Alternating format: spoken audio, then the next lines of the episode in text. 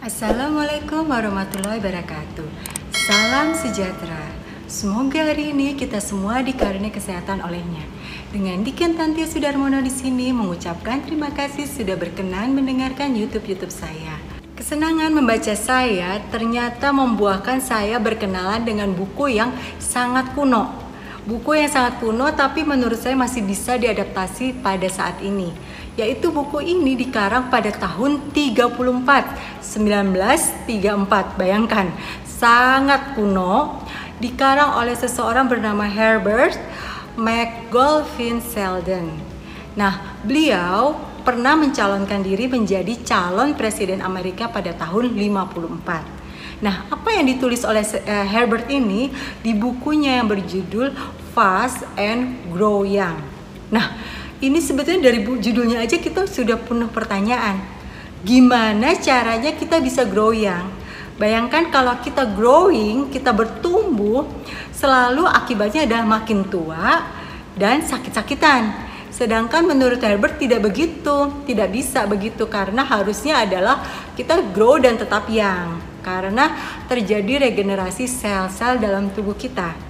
Nah, di situ dia mengajarkan caranya adalah dengan puasa 30 hari.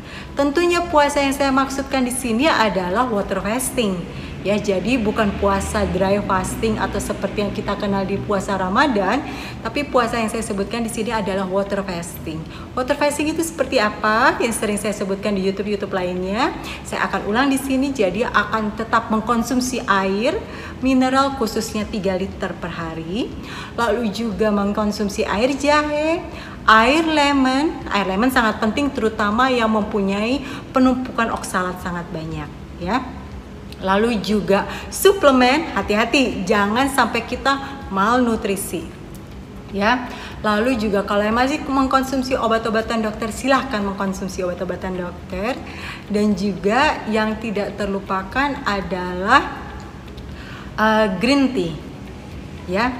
Jadi uh, air mineral, uh, jahe, green tea suplemen dan obat-obatan dari dokter itu sangat direkomendasikan pada saat water fasting ini. Nah, di buku Herbert ini dia membagi water fasting ini menjadi lima bagian. Jadi ada stage 1, stage 2, stage 3, stage 4, stage 5. Stage 1 adalah hari ke-1 dan hari kedua. Stage 2 adalah hari ketiga sampai hari ketujuh. Nah, karena sekarang ini saya sedang menjalankan puasa jam ke-110 berarti akan memasuki hari kelima maka saya akan membahas stage 1 dan 2 saja ya jadi nanti kalau misalnya saya masih bisa melanjutkan seterusnya, saya tentunya akan membahas stage-stage lainnya. Nah, uh, tujuannya saya di sini adalah untuk mengedukasi di mana saya bilang kalau sehat itu adalah suatu proses di mana prosesnya ada rasa sakit. Jadi jangan begitu merasa sakit langsung buru-buru stop puasanya. Itu sama sekali salah. Karena itu sebetulnya proses dalam penyehatan. Seperti yang saya ceritakan, hari ke-1, kedua, ketiga saya mengalami sakit yang teramat sangat. Tapi hari keempat, alhamdulillah saya bangun tidur dengan tidak ada rasa kesakitan sama sekali. Jika saya menyetop puasa saya mungkin pada hari kedua saya nggak sanggup, yang terjadi saya tidak akan mencapai stage-stage berikutnya. Nah, stage-stage seperti apa sih yang ditulis oleh Herbert? Yuk kita dengarkan di YouTube berikutnya. Nah, sebelum melanjutkan, saya akan melakukan pengetesan dengan alat ini. Ya pengetesan-pengetesan supaya mengetahui kondisi saya saat ini di puasa ke 110 hari. Eh 110 jam. Oke. Okay. saya akan uh, bersihkan lalu seperti biasa saya akan tusuk ini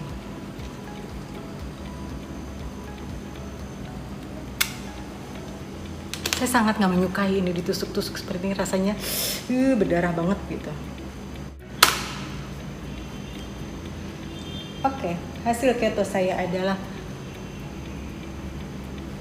3,9 ya.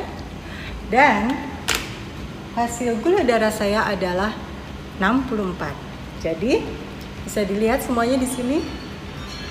Ini adalah keto dan gula darah mungkin nah Jelas ya?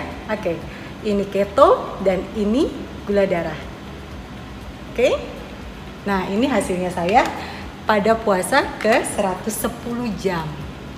Nah, lalu terlihat tetap cerah kan 110 jam nggak ada lemes-lemesnya betul karena produksi GABA meningkat nah sekarang kita sama-sama lihat di bukunya Herbert ini bener gak simptom-simptomnya saya mengalami nah yang pasti yang pertama dia sebutkan adalah tadi kalau glukosa di dalam tubuh saya akan digunakan menjadi energi ya. Menjadi energi oleh tubuh saya dan biasanya uh, dia menyebut bisa sampai setengah hari dipakai oleh energi tubuh saya. Padahal saya rasa pasti lebih kalau untuk teman-teman yang masih memiliki cadangan glukosa di dalam uh, sel lemak ya ataupun fatty liver yang memiliki fatty liver pasti lebih panjang dari setengah hari ya jadi ini dia mungkin cuma meneliti pada orang-orang yang sehat dan ingat tahun 1934 di mana saat itu junk food masih sedikit, saat itu uh, refinery atau makanan-makanannya sudah dimudahkan supaya bisa gampang dikonsumsi uh, oleh kita juga masih sedikit. Jadi ingat zamannya beda ya. Nah, oke, okay, jadi uh, saat itu glukosa digunakan oleh tubuh kita. Nah, bagi yang bertanya-tanya, kenapa sih glukosa? Gimana caranya? Saya nggak konsumsi glukosa. Kok uh, saya memiliki cadangan glukosa sih kata Niken? Nah, coba dengarkan YouTube saya yang khusus membahas mengenai glukosa ini didapat dari mana. Jadi ada beberapa YouTube saya yang mengenai kurus, dan juga mengenai karbohidrat. Nah, di situ sangat dijelaskan dari mana glukosa ini berasal. Selainnya itu, BMR dan metabolisme tubuh juga akan menyesuaikan dengan asupan yang kita kurangin ini. Karena tidak ada asupan apa pun, maka uh, metabolisme tubuh kita akan berkurang. Jadi bagi teman-teman yang mengatakan ah cukuplah saya kurus dengan mengurangi kalori tubuh itu tidak mungkin tercapai akan stabil selamanya. Karena apa? Karena tubuh kita sangat cerdas. Tubuh kita akan menyesuaikan dengan uh, tidak ada asupan, oke, okay, metabolisme saya perlambat jadi sama aja, kita nggak pernah tahu sebetulnya uh, kebutuhan kita jadi berapa nih gara-gara metabolisme diperlambat. Kalau ada yang bilang, ah bisa turun kok dengan kalori uh, dikit nggak apa-apa, bisa jadi, tapi tidak long lasting. Ingat, tidak ada yang long lasting karena itu yang berkurang hanya cairan di dalam tubuh. Nah, selanjutnya saya akan masuk mengenai simptom-simptom apa saja yang dirasakan menurut Herbert ini. Yang dirasakan menurut dia adalah sakit kepala. Betul sekali, di salah satu YouTube saya saya menceritakan saya lagi sakit kepala, itu betul-betul kayak dipukulin kepalanya. Lalu uh, pusing, alhamdulillah saya tidak. Lalu juga mual tidak. Lalu ada bau mulut, itu ada saya rasakan Uh, lalu mata berkaca-kaca saya tidak merasakan itu.